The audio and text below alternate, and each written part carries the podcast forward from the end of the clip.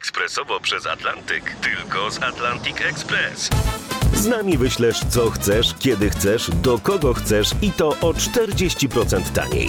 W Atlantic Express wysyłamy wszystko, co chcesz. 1 800 775 7363. Mienie przesiedleńcze, kontenery, paczki do Europy. Atlantic Express to 30 lat doświadczenia i o 40% niższe ceny na wysyłki kontenerów, samochodów i paczek. Ekspresowo przez Atlantyk tylko z Atlantic Express.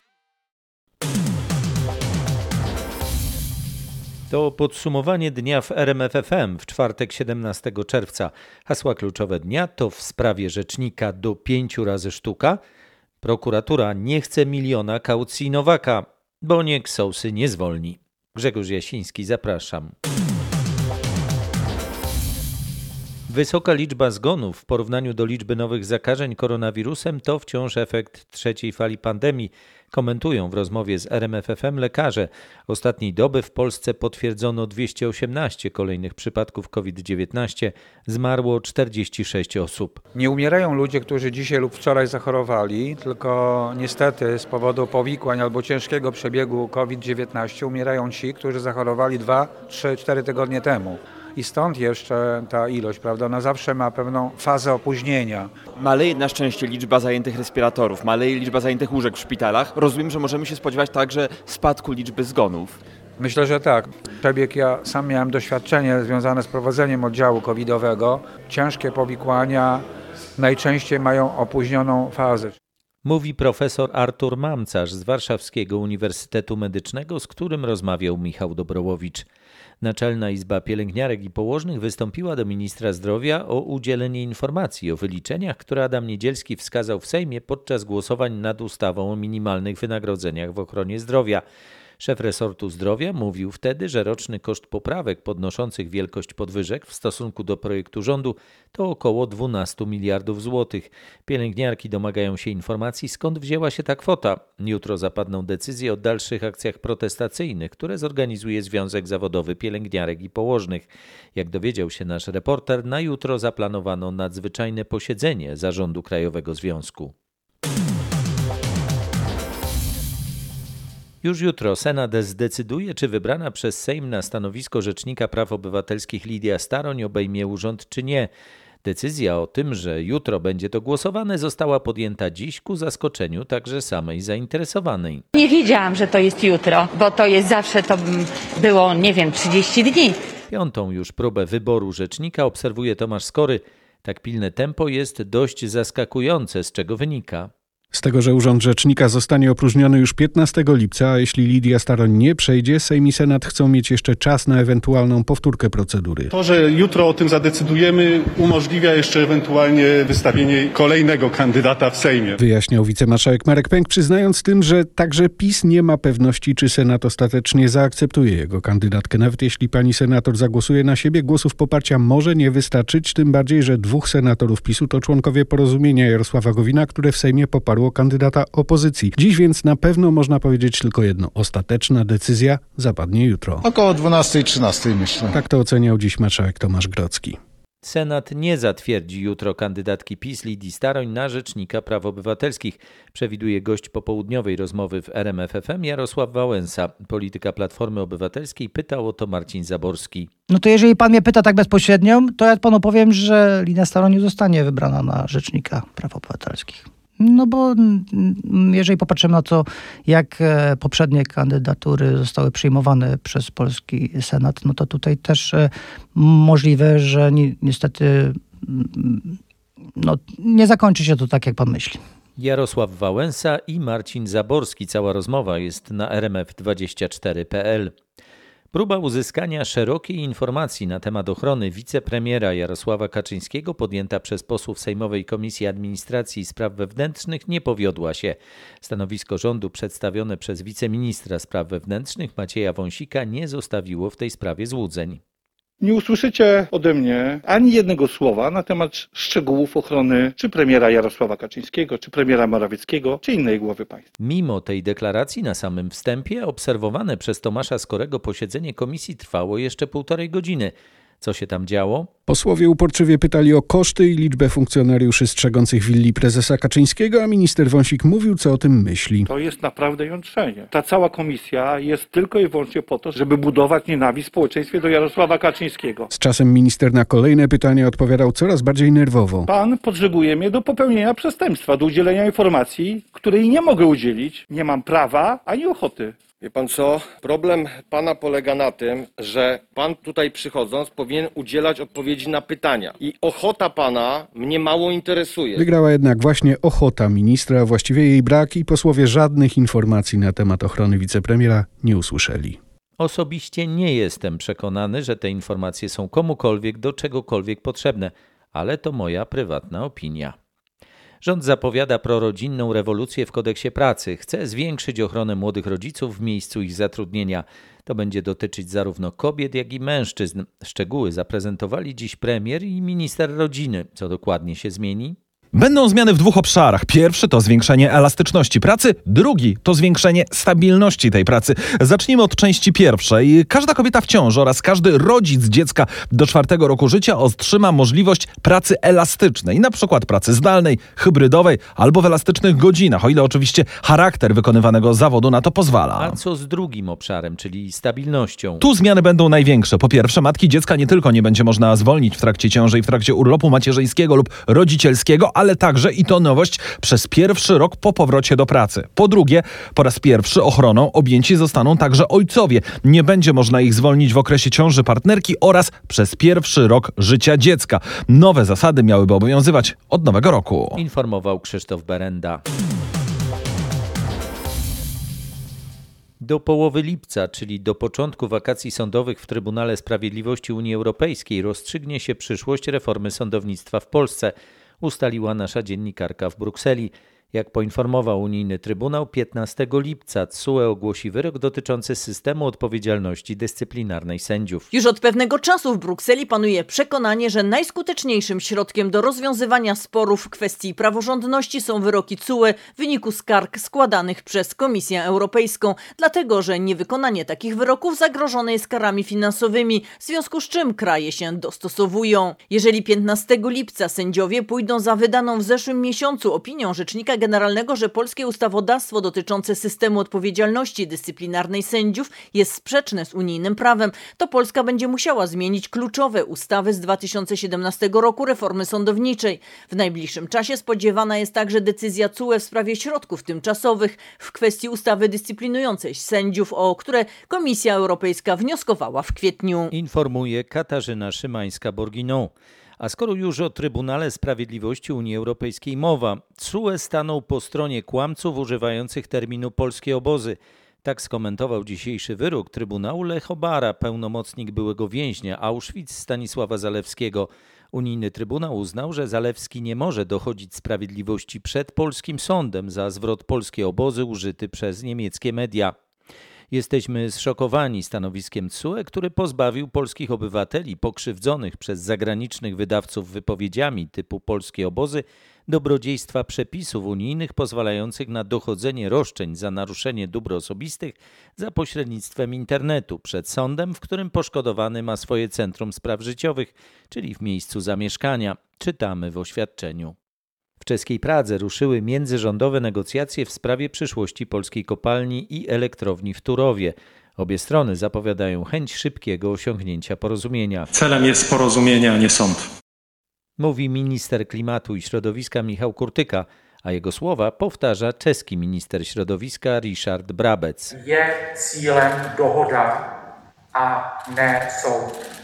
Wstępne ustalenia są takie, że Czesi wycofają wszystkie wnioski o zamknięcie przygranicznego Turowa, a my w zamian zainwestujemy w ochronę okolicznego środowiska. To, co nas łączy, to jest wspólna wola osiągnięcia dwustronnego, długotrwałego, stabilnego porozumienia. Polską delegację tworzą wspomniany minister Kurtyka, wicepremier Jacek Sasin oraz ministrowie Artur Soboń i Konrad Szymański.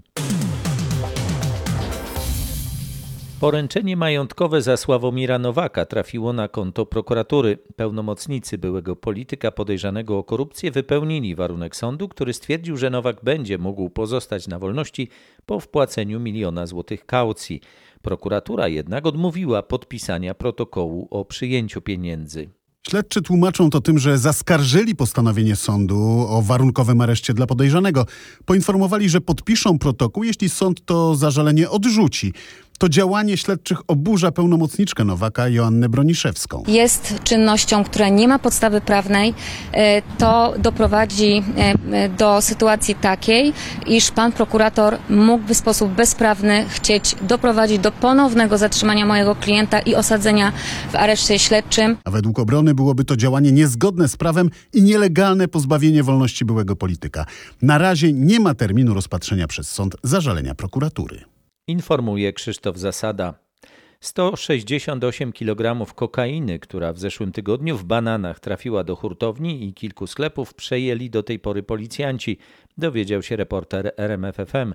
Warszawska prokuratura okręgowa wszczęła śledztwo w sprawie przewozu znacznej ilości narkotyków. Co do tej pory ustalono w tym postępowaniu? Co najmniej 168 kg kokainy trafiło do hurtowni w Rawie Mazowieckiej. Stamtąd przewieziono ją w kartonach z bananami do czterech sklepów, dwóch w Warszawie i dwóch w województwie łódzkim. Personel placówek handlowych natrafił na narkotyki w magazynach. Prokuratura powierzyła prowadzenie postępowania stołecznej policji. Teraz funkcjonariusze sprawdzają, czy narkotyki trafiły z hurtowni tylko do czterech sklepów. Starają się też potwierdzić, czy przejęli już cały transport środków odurzających. Wyjaśnione są też szczegóły transportu i w jaki sposób doszło do przemytu, skąd pochodzi kokaina, a także między innymi, czy doszło do pomyłki przemytników. Ponownie Krzysztof Zasada. Jutro mają się zacząć przesłuchania osób zatrzymanych w sprawie nocnej strzelaniny w Zabrzu. To sześciu mężczyzn i dwie kobiety. Strzały w stronę policjantów padły bez ostrzeżenia z jednego z pawilonów na ulicy Ireny Kosmowskiej. Policjanci odpowiedzieli ogniem. Nikomu nic się nie stało. Wiedzieli, do kogo strzelają? To będzie już wyjaśniane w toku prowadzonego postępowania. E, Policjanci identyfikowali się jako policja. E, Wyraźne były okrzyki z ich strony, że są policjantami, e, więc możemy przypuszczać, że tak właśnie było, że wiedzieli, że strzelałem do policjantów. Czy wiadomo, kto strzelał do policjantów? To będzie też przedmiotem trwającego postępowania. Będziemy wyjaśniać to, to dokładnie, kto kierował ten przedmiot przyjmujący broń palną w stronę policjantów, kto oddawał strzałę. Z Sebastianem Bijokiem z policji w Zabrzu rozmawiał Marcin Buczek. Były słowa, teraz czas na czyny. Media w Stanach Zjednoczonych czekają na konkrety po wczorajszym szczycie Biden-Putin w Genewie. Prasa pisze, że po spotkaniu czas na kolejne kroki. W tym kontekście, że Biden w pewien sposób zagroził Putinowi w kilku sprawach, choćby e, w sprawie cyberataków. Jeżeli do takiego dojdzie ze strony Rosji, a nie będzie odpowiedzi, to będzie to źle wyglądać. Jeśli na przykład Ameryka nadal będzie padać ofiarą cyberataków, musi pokazać prawdziwe konsekwencje, by odstraszyć Rosję.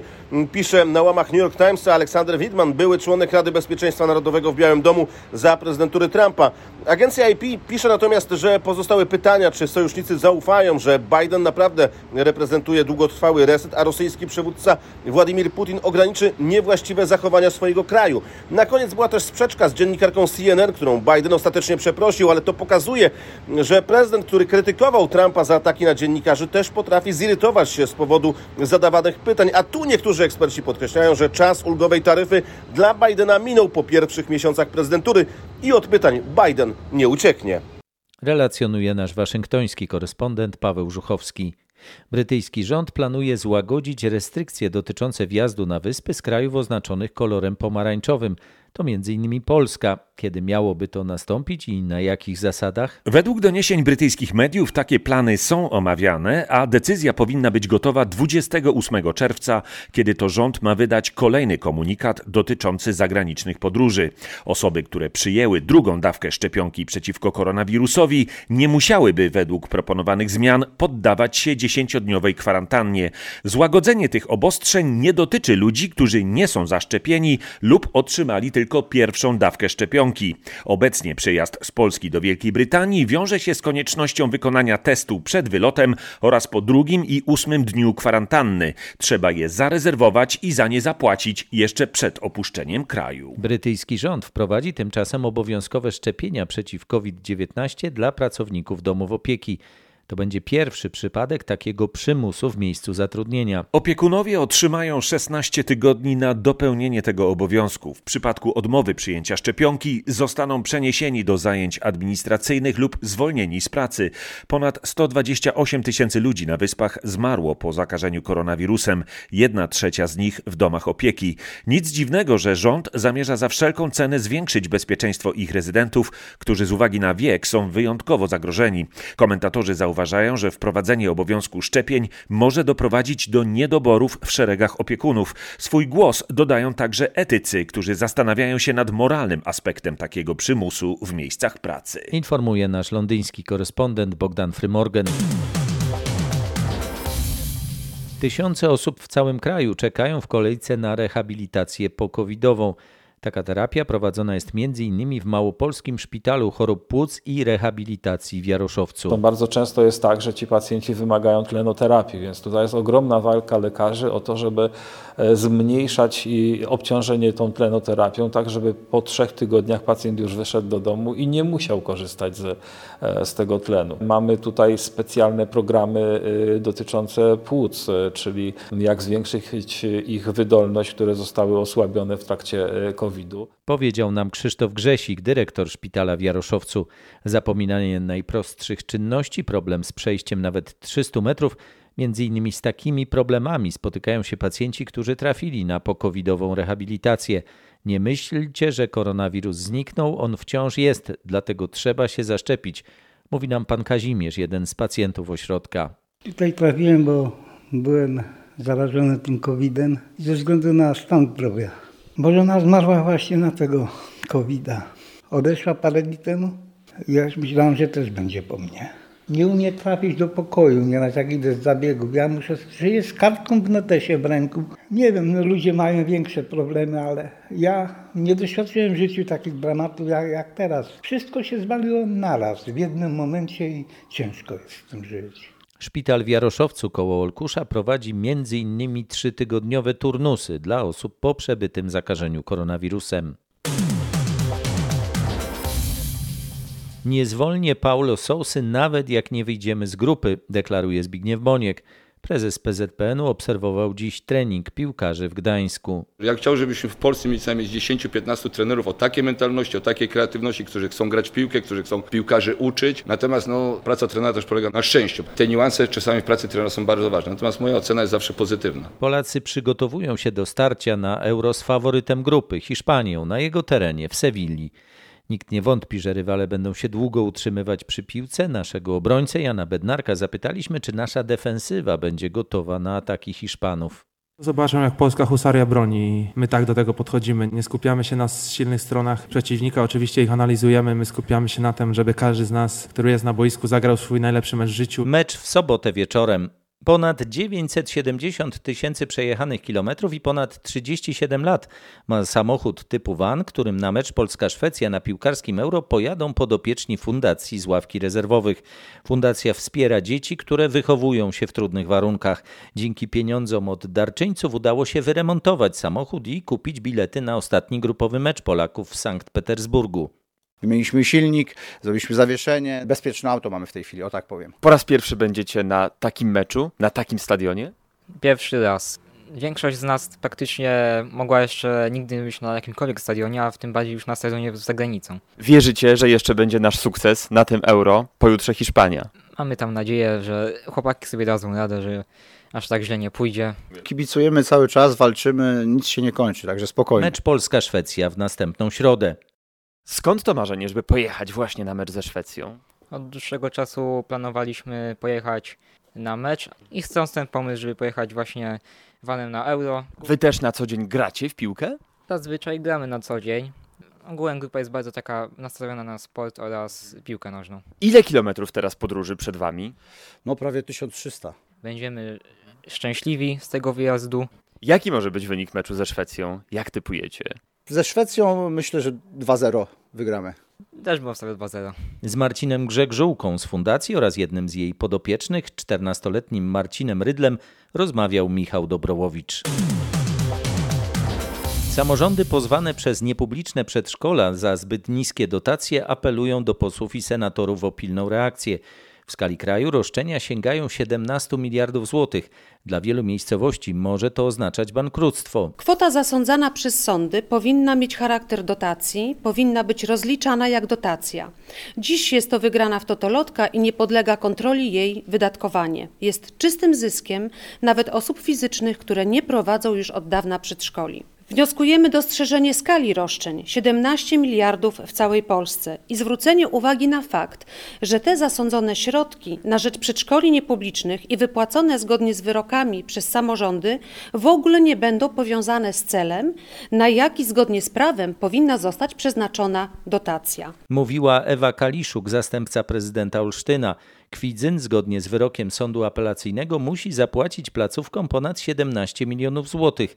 Dla samorządu to bardzo duże pieniądze. Miasto zapłaci. Władze miasta będą teraz zabiegać o kasację tego wyroku w Sądzie Najwyższym. Taką informację przekazał mi Piotr Wicy, zastępca burmistrza Kwidzyna. Cały spór dotyczy sześciu placówek i kwoty 17 milionów 287 tysięcy złotych. Za te pieniądze można byłoby zbudować halę sportową z basenem. W Kwidzynie podkreślają, że prowadzący przedszkola nie ponieśli strat z tytułu wysokości opłat sprzed lat i że dziś chodzi w tej sprawie wyłącznie o ich wzbogacenie się kosztem samorządów. W Kwidzynie pieniądze na ewentualne wypłaty są zabezpieczone. Jeśli będą wypłacane, trzeba liczyć się z tym, że tak duże zobowiązania wpłyną na poziom inwestycji realizowanych w mieście. Relacjonuje Kuba Kaługa. Pokazy ratownictwa wodnego oraz strażackiego i policyjnego sprzętu, używanego również do zatrzymywania najgroźniejszych przestępców, można było oglądać nad jeziorem w Niepruszewie pod Poznaniem.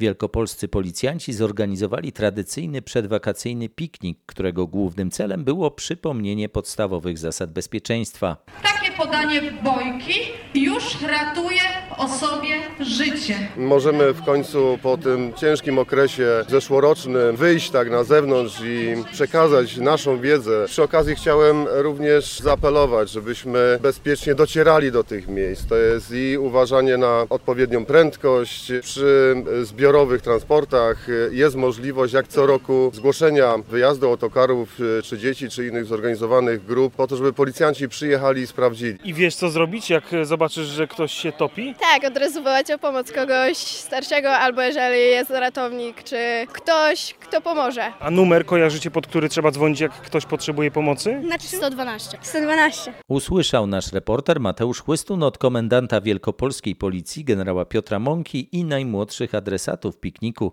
Weroniki, Piotra i Kuby. O tym, jak zachować się gdy ktoś potrzebuje pomocy w wodzie, ale też przede wszystkim jak unikać niebezpiecznych sytuacji podczas wypoczynku, informowali ratownicy wodni. Jeśli ktoś tonie, jeśli na naszych oczach w ogóle ktoś potrzebuje pomocy, przede wszystkim zachowujemy spokój. Druga rzecz, najważniejsza, wezwanie pomocy, profesjonalnej pomocy, czyli numer 112 lub numer ratunkowy nad wodą 601 100. Dopiero później tak naprawdę możemy zastanowić się, czy w ogóle chcemy wchodzić do wody, czy w ogóle jesteśmy w stanie pomóc tej osobie. Jeśli już robimy to na przykład za pomocą jakiegoś kija, za pomocą jakiegoś sprzętu, na pewno nie własną ręką. Powiedzenie, że tonący brzytwy się chwyta, nie wzięło się znikąd. Kamizelka ratunkowa, rzecz, która naprawdę może uratować życie. Czy na skuterze, czy na rowerze wypaść można i uderzyć się w głowę. I wtedy przez chociaż ułamek sekundy się straci przytomność, można się zachłysnąć wodą. Kamizelka jednak powoduje, że ta głowa jest nad wodą, mogę dojść do siebie i się uratuję. Mówili Bartosz Banachowicz i Andrzej Szymański z Wielkopolskiego WOPR-u. Niestety wiele kąpielisk ma w tym sezonie problemy ze skompletowaniem obsady wież ratowniczych. Powodem jest pandemia, podczas której wielu ratowników zmuszonych zostało do zmiany profesji. Dlaczego warto wybrać ten zawód? Dlatego że nie musimy przychodzić do pracy na godzinę 6 rano. Nie musimy do pracy przychodzić w krawacie, czy też możemy patrzeć bezkarnie na piękne kobiety. I tutaj tych zalet pracy ratownika mógłbym wymieniać jeszcze dużo, ale ta najważniejsza to oczywiście chęć pomocy innym osobom. Przekonywał Jarosław Sroka z Mazurskiego Ochotniczego Pogotowia Ratunkowego. Pisarka Roma Ligocka mówi, że jej najnowsza książka jest też najważniejszą od czasu dziewczynki w czerwonym płaszczyku. Powstawała w Krakowie i Nicei. Siła rzeczy jest oprócz dziewczynki w czerwonym płaszczyku chyba najważniejszą moją książką, najbardziej osobistą, pisaną bardzo emocjonalnie, bardzo szczerze i jak mi się wydaje pięknym językiem. W fikcyjnym dzienniku swojej babki autorka odtworzyła świat z 1938 roku, ale przerzuciła również most między tamtym światem a czasem pandemii. Przecież ta pandemia siłą rzeczy zmieniła nasze życie. I tak samo przedmioty, których nam zabrakło, jak przede wszystkim ludzie, których nam zabrakło, nagle stali się dla nas ważni. Opowiada też o historii mojej babci, którą tak samo jak nas pandemia zastała wojna i y, zmieniła jej życie w piekło. Książka Siła Rzeczy ma dziś premierę.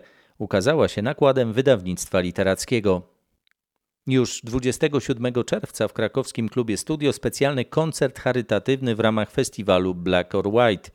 Jego celem jest promowanie wiedzy o nowotworach neuroendokrynnych. Pomimo takich akcji świadomości, nadal ten nowotwór jest rozpoznawany później. Krzywa pokazująca stopień zaawansowania w chwili rozpoznania niestety rośnie bardzo wolno. Także musimy bardzo dużo jeszcze zrobić, żeby wczesne, niecharakterystyczne objawy połączyć z możliwością występowania nowotworów neuroendokrynnych. Mówiła dr Alicja Hubalewska-Dydejczyk, kierownik Kliniki Endokrynologii w Szpitalu Uniwersyteckim w Krakowie. W koncercie wystąpią m.in. Grzegorz Turnał, Joanna Kołaczkowska z kabaretem Hrabi, Edyta Krzemień czy Motion Trio. Muzeum Bitwy pod Grunwaldem uruchomiło zbiórkę pieniędzy, by ratować pozostałości po kilkusetletniej kaplicy, która jest namacalnym dowodem, że to właśnie w tym miejscu rozegrała się największa średniowieczna bitwa z 1410 roku. Potrzeba 300 tysięcy złotych. Obecnie jest to w takim stanie, że zaprawa już się powykruszała, te kamienie e, częściowo się już osypują z tych e, resztek murów, które tam pozostały.